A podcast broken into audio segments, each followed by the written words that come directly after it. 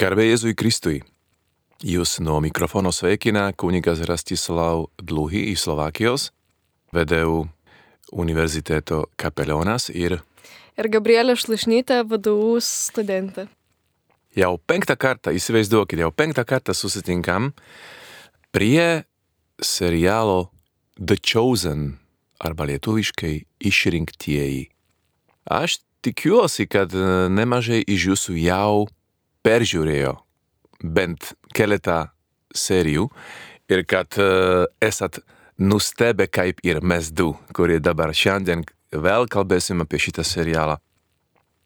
Šiandien mums tenka kalbėti apie penktą seriją. Fantastišką seriją.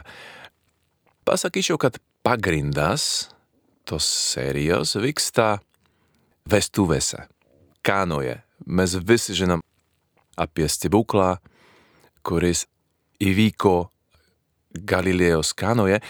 Šiandien ir apie tą stebuklą, ir apie daug kitų mažų detalių iš tos serijos. Kadangi šita serija yra apie vestuvės, gerai, gal truputuką plačiau pamastyti apie santuoką, apie vestuvės, kaip Dievas žiūri į santuoką ir vestuvės. Ir ką Biblija sako, mūsų pagrindinė knyga, Dievo žodis, ką sako, nes labai daug iš Dievo širdies išeina brangių dalykų, jeigu mes pažiūrim į šventojo rašto lapus. Kai atidžiai skaitom Bibliją, suvokiame, kad jau pradžioje, jau Biblijos pradžioje matosi, kad ten yra kalbama arba pradedama kalbėtis apie santuoką. Adomas ir Ieva. Tai įdomu, kad pirmas sakramentas, kuris jau yra tarsi aptariamas Biblijoje, nėra kunigystė, nėra krikštas, nėra sutvirtinimas, bet yra santuoka. Įsivaizduokit. Adomas ir Ieva. Kai žiūrim, kaip baigėsi šitą istoriją, kaip baigėsi Biblija, mes matom vėl santuoką, mes matom vestuvės. Tarp ko? Tarp Jėzaus ir bažnyčios. Mes matom labai labai patrauklią ir gražią nuotaką. Jėzaus nuotaka, bažnyčia. Tai Biblija pradeda, galėtume sakyti, su vestuvėmis ir baigėsi su vestuvėmis. Jeigu atidžiai skaitom Bibliją ir pažiūrėsim, kas atsitinka tos istorijos vidury, ir jeigu atversim Bibliją, matom, kad ten yra knyga giesmių giesmė. Giesmių giesmė, šita Biblijos knyga yra apie meilę. Apie meilę tarp vyro ir moters, tarp Dievo ir žmogaus, tarp mistiškai irgi tarp Jėzaus ir jos nuotakos bažnyčios. Ir labai romantiškai, labai poetiškai aprašyta ta meilė. Pasakyčiau, kad šiandien sakiau, kad bus daug apie tas pirmą stebuklą, kuris įvyko Jėzaus tarnystėje arba jo tarnystės pradžioje. Ir įsivaizduokit, ką Dievas mums nori visiems pasakyti, kadangi tas stebuklas pirmas yra apie santuoką. Pirmas stebuklas vyksta vestuvėse, ne šventikloje, ne kažkur gatvėje, vyksta vestuvėse. Dievas kažkaip sako, tarsi jis norėjo pasakyti, žinot, santuoka reikalauja stebuklo. ir ta santuoka tarp manęs ir mano Dievo irgi reikalauja stebuklo. Reikalauja jo malonės. Nuolat man reikia Dievo malonės, kad aš sugebėčiau būti mano santykis su Dievu, nes aš silpnas žmogus, neištikimas žmogus. Nu kaip aš išlaikysiu šitą santykį, bet Dievo malonė, jo šventosios dvasios vynas, tai ta meilė padeda man ne tik įsimylėti pradžioje, įsimylėti Dievą, bet ir išlaikyti tą meilę. Ir ne tik išlaikyti meilę, kažkaip, kažkaip išlaikysiu meilę, ne, bet kad ta meilė auktų, auktų. Tai reikia Dievo stebuklo, reikia jo veikimo mano sieloje. Todėl man atrodo, kad pirmas, pirmas, pirmas, pirmutinis stebuklas, kuris vyksta, yra vestuvėse. Jėzus daro stebuklą vestuvėse. Kaip fantastiška. Ir tikrai, manau, labai nuostabiai prasideda visa šita serija. Galbūt reikėtų nuo pačios pradžios pradėti, kur yra labai trumpa įžanga, kaip Marija su Juozapu ieško Jėzaus ir yra parodoma ta šeimos svarba, kad mes turim visi kartu laikytis, mes turim vienas kitą mylėti, bet ir tuo pačiu matome, kaip Juozapas rūpinasi savo žmoną Mariją. Ir kaip netgi pajokauja, Jėzui sako, kaip tu atsilyginsi savo mamui už tai, kad jinai lakstė po visą Jeruzalę ir ieškojo tavęs, o tu rūpinaisi savo dangiškojo tėvo reikalai šventykloje. Tai iš tikrųjų toks labai gražus interpas ir paskui matome, kaip Marija atvyksta pati pirmoji į Kanos vestuves. Ir čia galime matyti tokį labai gražų dalyką, kad kiekvienas, kai ruošia vestuves, kai organizuoja, nori, kad viskas būtų kuo tobuliau. Tai tą patį galima pasakyti ir apie viešpaties Jėzaus ir bažnyčios santoką, kad Jėzui nereikia ruoštis, jisai ir taip yra tobulas, tačiau mums kaip bažnyčiai, kaip kiekvienam žmogui iš tikrųjų reikia ruoštis. Ir kaip Marija sako, duok išluotą, aš noriu išluoti ir paruošti viską, padėti, kad viskas būtų gražu ir mm. stengiasi, kad viskas būtų tobula, o jeigu ir nėra tobula, tai kad nesimatytų, galbūt kažkaip net paslėpti ar netgi tie netobulumai galbūt kartais duoda to tokio žavesio, nes turi aukti nuolankume iš tikrųjų. Toje serijoje labai gražiai matosi, kaip tu pasakai, tie gražus mūsų žmogiški netobulumai. Kartais matosi ta mūsų meilė būtent per tus gražus netobulumus, kai matosi toje serijoje, kad jie bando pastatyti baldachiną, bando pastatyti tokią pasakyčiau, pavėsinę, tokią šventišką pavėsinę nuotakai ir jaunikiui. Ir, nu, mėgėjiškai pastatė ir neatrodo labai gražiai, neatrodo, kad čia dabar bus vestuvėms. Nu, vos vos stovi ta palapinė, pasakyčiau. Ir ateina žmonės, viena po kito sako, nu, man atrodo, kad kreivai stovi šitą palapinę. Aš galbūt dar pridėčiau, kad taip galbūt, kai mes kuriam santykių su žmogum, tarkim, vyras su savo žmona, tai tas baldakimas jisai gali atrodyti tobulas, bet yra pasakyta, kad santokai reikia trijų, reikia ir Dievo. O be Dievo, nu, niekas nėra tobulo, kai Dievas yra, viskas yra ir manoma. Taip.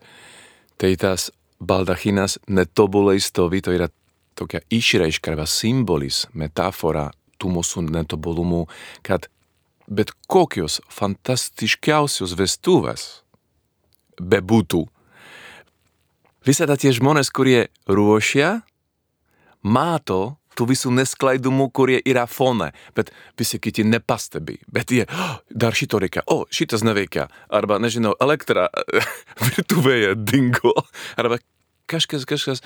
Ir taip, mūsų gyvenimuose visada yra tokių, kad dingsta elektra, kad vyno nėra tiek, kiek reikia, kad reikia dar vieno stalo. Dešimt svečių ateina ir mes neturim vietos prie stalo. Greitai, greitai, kad niekas nepastebėtų, atneškim stalą kažkur. Žodžiu, bet kaip gražu tas netobulumas yra tarsi kvietimas Dievui. Dieve, pažiūrėk, mes darom, ką galim. Reikia tavo malonės. Pripildyk. Padaryk kažką, kad būtent mūsų netobulumas būtų medžiaga stebuklui. Mano netobulumas, kaip kiekvienas iš mūsų, savo mūsų charakteriai netobulus. Visų mūsų charakteriai yra netobulus. Bet tai yra kvietimas Dievui Dieve, tu matai mano širdie yra dar vietų, kurie tikrai nėra šventi.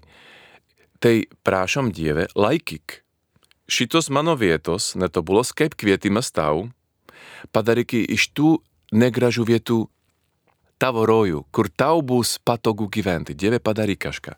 Tai man atrodo, kad mūsų visų netobulumai yra tarsi tų gražiausių vestuvių netobulumai, kurie kviečia Dievę, Dieve, dabar yra tavo eilė, dabar tu gali kažką padaryti mūsų gyvenimuose.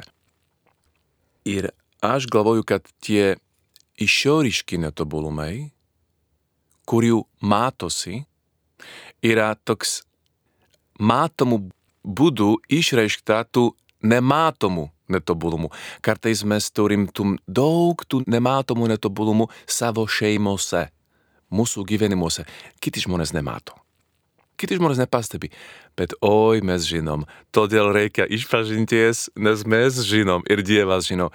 Tai man atrodo, kad šita serija yra džiugi naujiena, gera naujiena, kad mūsų gyvenimas nors netobulas, Dievui nėra problema.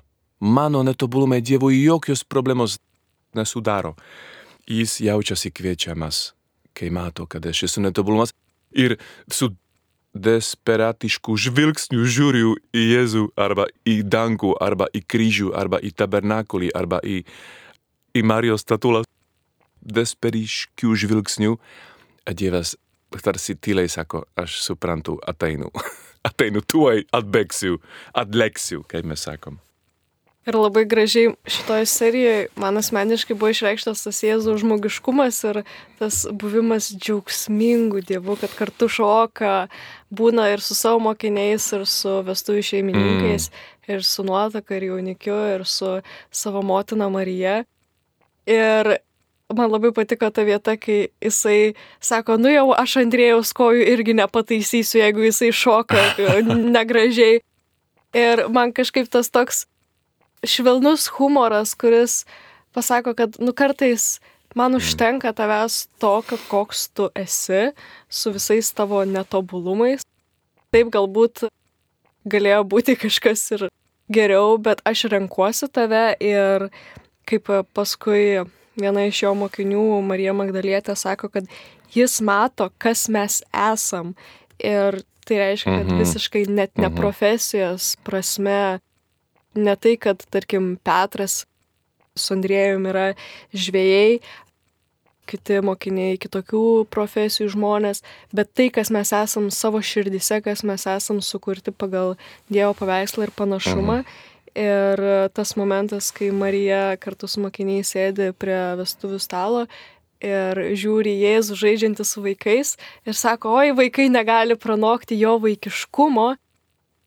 Sako, taip. mes turim mokytis ir stebėti, stebėti, stebėti Jėzų, nes tik taip mes išmoksim gyventi ir būti tokie kaip Jis. Būtent šita akimirka buvo labai stipri ir man pačiam aš kai mačiau, kaip Jėzus žaidžiasi su vaikais, aš pagalvojau, kaip būtų fantastiška, jeigu per kiekvienas vestuves būtų vienas stalas, kur tiesiog bent valandą Jėzus žaidžiasi su vaikais. Visi ateina prie to stalo ir visų esančių akis būtų, man atrodo, nukreiptos arba įsmeigtos į tą vieną stalą per tą valandą ir man atrodo, kad visi pasakytų, O jeigu tie vaikučiai suprastų, kad dabar su jais žaidžia, su kuo jie dabar sėdi, žinai, um, ir pamatyti to Jėzaus žaismungumą, no tai tas šventas, šventas, šventas Dievas žaidžia su vaikais, no žodžiu, kažką fantastišką tai sako apie mūsų Dievą, apie mūsų Dievo širdį, kažką fantastišką.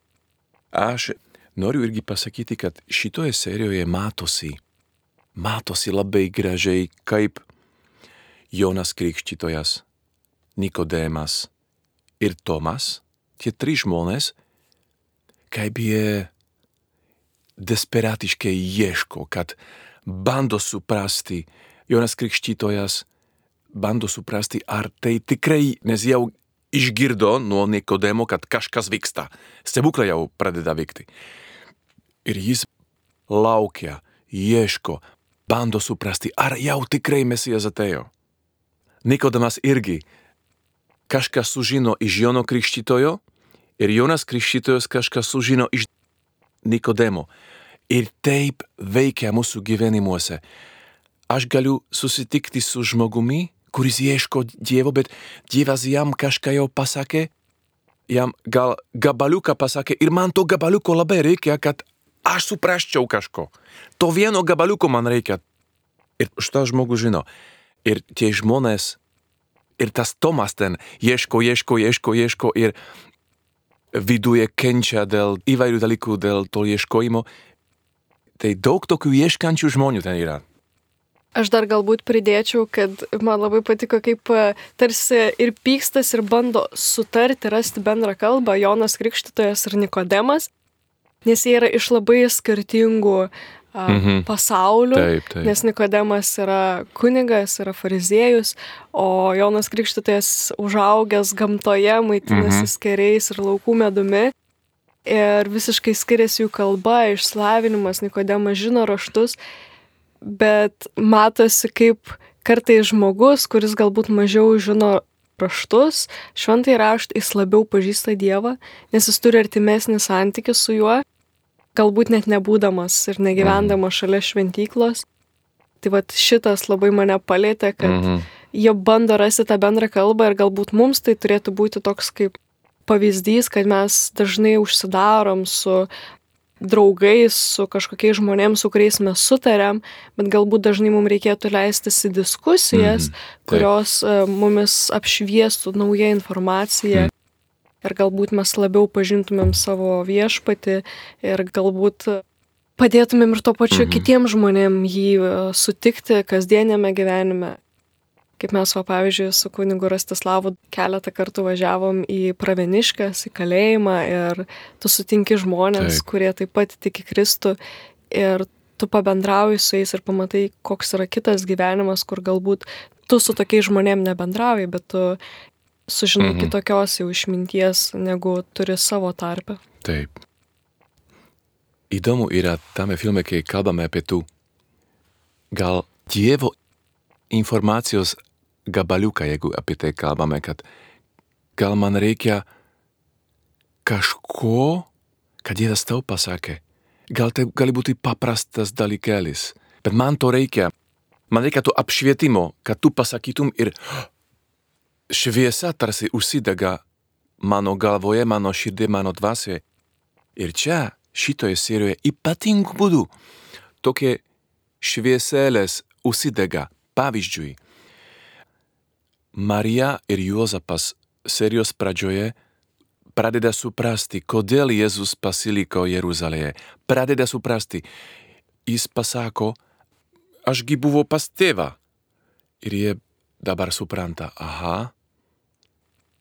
Nėra, kad jie visiškai nesupranta, bet pradeda giliau suprasti. Po to Marija prašo Jėzui, Jėzu, padėk man, jau atrodo, kad pradeda ta kelionė, ta tavo misijos kelionė, padėk man ištverti arba su tavimi pereiti tą kelionę, padėk man. Su tokiu prašančiu žvilgsniu žiūri Jėzu, jie sakė, no gerai, mama. Po to matosi, kad Jonas mokosi iš Nikodemo, Nikodemas mokosi iš Jono Krikščitojo ir Jėzus mokosi iš savo mamos. Aš galvoju, kad yra fantastiška, kad būtent per šitas vestuves Dievas tėvas kažką sako savo sūnui per Mariją. Kad ir Jėzus kaip žmogus, nors mes žinom, kad jis yra ir Dievas, ir žmogus. Kaip žmogus, jam reikėjo žmogiškai irgi gauti tų signalų dėl savo misijos, dėl laiko, kad jau laikas, Jėzau, jau laikas. Aš tikiuosi, kad Dievas tėvas pranešė per jo mamą, per tą švenčiausią mergelę, be dėmes, kad mano sūnau jau laikas per vestuvės, nes tai yra tarsi prasideda vestuvės tarp žmonijos ir Dievo prasideda. Aš tai galbūt dar pridėčiau, mano toks pamastymas, kad galbūt Jėzus, iš tikrųjų taip ir yra, Jėzus ir Dievas tėvas ir šventoji dvasia, jie žino, jie yra toli toli ateityje ir toli toli praeityje, nes jie yra virš laiko, jie žino viską, kas įvyks ir kas Mhm. buvo e, ir kas bus.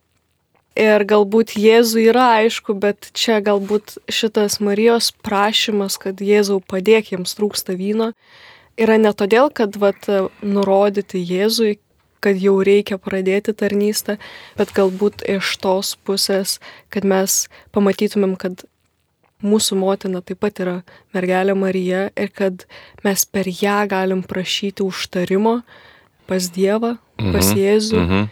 nes jinai gali su jais kalbėtis, jinai mhm. bus jų suprasta ir taip mes melžiame šventąją dvasę ir dvasė žino, ko mums reikia, bet mergelė Marija, jinai buvo lygiai toks pat žmogus kaip ir mes ir galbūt per tai lengviau galim ateiti pas Jėzų. Tai matom Mariją pradžioje, kuri pasisveikinus su savo vienas iš geriausių draugių, jos apsikabina ir po to, kaip tipiška moteris, kadangi daug darbo aplink, duok man šluotą, kaip sakai, duok man šluotą, noriu padėti, arba kažką, kur galiu būti naudinga. Tai dabar Marija nuolat džiaugiasi, tarsi mėgaujasi bet ir lieka tā, ji lieka tā švelni, jautri, pastebi moteris, mama ir moteris. Ir dar pridėčiau, kad labai labai nuolanki, nes jos ten kaip puošia tą baldakimą vestuvėms, jos kalbasi apie Jėzų. Ir ta, kuri viską ruošia, ta moteris, jinai Marijai sako, nu bet Jėzus tikrai yra šaunus vyrukas, Marija tokia su nuolankumu, na taip, taip. Ir paskui jos abidvi pripažįsta, kad Jėzus iš tikrųjų yra nuostabus ir abidvi išsišiepė iki ausų. Ir mes tiesiog matome, kad visi, kurie susitinka Jėzų, jie jį įsimylė visiškai.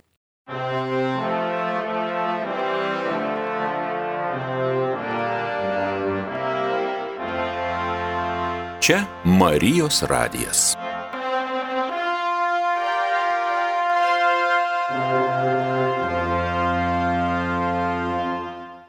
man patinka, kad kaip jį kalba apie Jėzų, Mariją, sako, jo, jis yra geras, jis visada yra geras. Ir labai gražiai sakė, ir žinai ką, jis dabar pradėjo naują tarnystę ir gal keletą mokinių jis atves. Ir ta moteris sako, jis gali bet kiek, jis gali bile kiek mokinių atvesti su savim. Tai buvo toks momentas labai, toks labai gražus man buvo labai gražus momentas. Ir po to, kai atėjo ta lemtinga akimirka, kai jie suprato, kad nėra vyno, ir Marija ieško ir atbėga pas Jėzų, sako, sūnau, jie neturi vyno. Ir mes žinom iš Biblijos kaip koks atsakymas, bet moterie, mano valanda dar neatėjo. Ir tas žvilgsnis. Aš noriu peržiūrėti, kaip Marija pažiūrėjo į Jėzų dar šimtą kartų. Kaip jie sugebėjo parodyti, kaip Marija pažiūrėjo, pažvelgė į Jėzų. Su kokiu prašymu vaide ir švelnumu to pačiu ir sakė angliškai please, prašau, prašau. Tik, tik vienas žodis, prašau. Ir paskui mane labai sužavi, kai jinai atsisuka į tuos, kurie atvežė vyną ir sako, darykite viską, ką jis jums lieps. Tokia tikrai stipri akimirka, nes jinai žino, kas jis yra ir tiesiog darykit. Nes jo. Jėzus pakeis Taip. viską, ką, kaip jūs mastot ir visą šitą realybę, kuri galbūt mūsų nedžiugina, jis visada pakeičia tą džiaugsmingesnį. Mm. Ir po to, kai jį paprašo, tas kameros žvilgsnis į Jėzų, į jo veidą ir kaip keičiasi jo veidą. Ir mes matom iš tos išraiškos, kad jau gerai, jau sutiko, jau sutiko. Ir, ir po to, kaip jie parodė tą stebuklą, kaip jis užsidaro kambarį, kur yra. Ten yra tie akmeniniai indai. Tai indai, akmeniniai indai ritualiniam nuplovimui, taip kaip jis ten meldžiasi, pažvelgia į savo tėvą ir sako, tėve, aš esu pasiruošęs. Tarsi aš žinau, kad yra laikas pradėti viešai tarnystę. Ir tai yra tos viešosios tarnystės pradžia. Stebuklas vestuvėse. Simboliškai, nes visa Jėzaus tarnystė yra tarsi kvietimas į vestuves. Dievas kviečia, Dievo karalystė yra kaip vestuvės. Ateikite visi, visi, visi.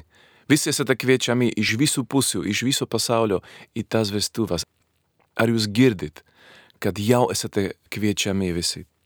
Tai buvo to kvietimo pradžia arba dabar pilnu etatu Jėzus 24 valandų visą parą tarsi pradeda kviesti visus į Dievo vestuves. Ir kas yra labai nuostabu, kai Jėzus padaro vandenį vynu, jisai padaro daugiau negu reikia. Mm, daugiau negu reikia šitom taip. vestuvėm ir jisai visada daro daugiau negu reikia, nes mes esam verti daugiau. Ir aš prisimenu, kaip mane palietė, kai skaičiau vieną iš knygų Benedikto XVI parašytą Jėzus iš Nazareto. Tai buvo ta pirma serija, kur pirmas tomas, kur popiežius rašė ir apie šitas vestuves. Ir sakė, aš noriu pasakyti, kad atrodo, kad mūsų Dievo paslaptis yra pertekliaus paslaptis. Mūsų Dievas yra pertekliaus Dievas, apstybė, apstybės Dievas. Jis nėra Dievas minimalistas, jis yra Dievas maksimalistas. Ir popiežius Benediktas XVI įvardina, kur Biblijoje tai matosi, kai Jėzus padaugino duoną. Buvo daugiau, buvo 12 krepšių trupinių, kurie buvo palikti. Ir ne kartą tai atsitiko. Kai buvo žuvų stebuklas, kiek ten tų žuvų buvo, vos skendo ta valtis. Ir dabar esame vestuvėse ir vėl paskaičiavo Benediktas XVI, kad buvo 800 litrų vyno. Užtektų keletui vestuvių.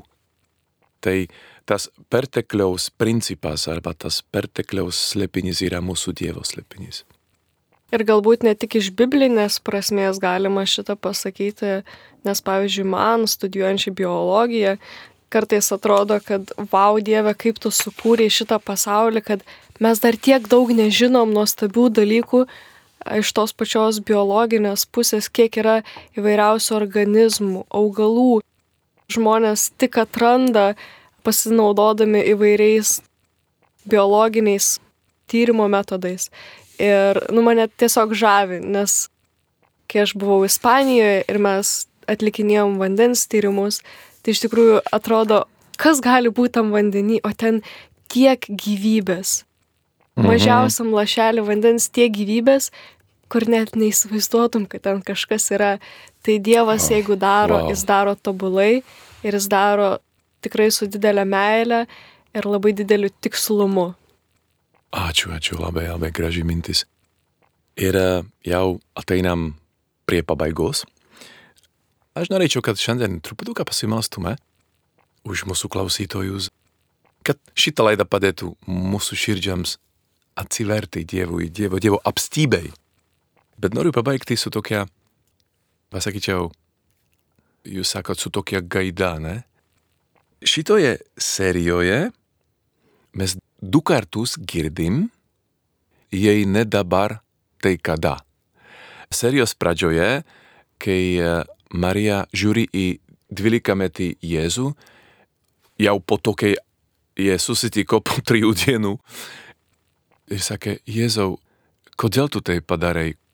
Žinai, jau dabar prasideda tavo tarnystė ir Jėzus sakė, jei ne dabar, tai kada? Jau prasideda kažką mano gyvenime, jau, jei ne dabar kada.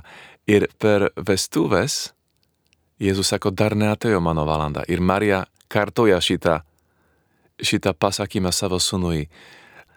Jėzau, jeigu ne dabar, tai kada? Man atrodo, kad Jėzus nori kai kuriems iš mūsų šiandien pasakyti, jeigu ne dabar, kada? Jau laikas mums susiartėti, jau laikas, kad tu patirtum mano apstybę, jau laikas, kad tu patirtum, koks dosnus, koks turtingas Dievas esu tau. Ir todėl, koks turtingas tu esi. Iš tikrųjų, nes aš esu tavo Dievas. Tu, turtingas Dievas ir tu esi mano turtingas vaikas. Mano meilės yra labai labai daug. Aš esu apstybės Dievas. Man atrodo, kad kai peržiūrėsim šitą seriją, visi būsim arba pirmą kartą, arba antrą kartą, arba dešimtą kartą, arba šimtą kartą sujaudinti kai kurie iš mūsų iki ašarų. Ir aš esu tikras, kad kai kuriems iš mūsų Dievas tikrai parodys, apreikš savo meilę tiesiog. Kokia tikrai didelė ir kokia švelni ir kokia jautri ta meilė yra mums. Ačiū tau viešpatie už kiekvieną iš mūsų. Ačiū tau, kad mes galime galvoti apie tavo meilę. Ačiū tau, dangiškasis tėve, kad tavo sunus Jėzus mums parodė, kaip tu mūs kiekvieną myli. Padėk mums suprasti, suvokti, patirti. Ir norime ir iš savo pusės tau pasakyti, Dieve, mes labai norime tave atpažinti, susipažinti su tavimi giliai. Jei ne dabar, kada. Ačiū Jums, kad klausotės ir mums labai džiugu, kad netrukus pasimatysim dvasioje arba galėsim per radiją susitikti ir aptarti šeštąją seriją. Nuo mikrofono nori atsisveikinti kunigas Rastislav Dluhy Ir Gabrielė. su Dievu ačiū Jums. Būkit palaiminti.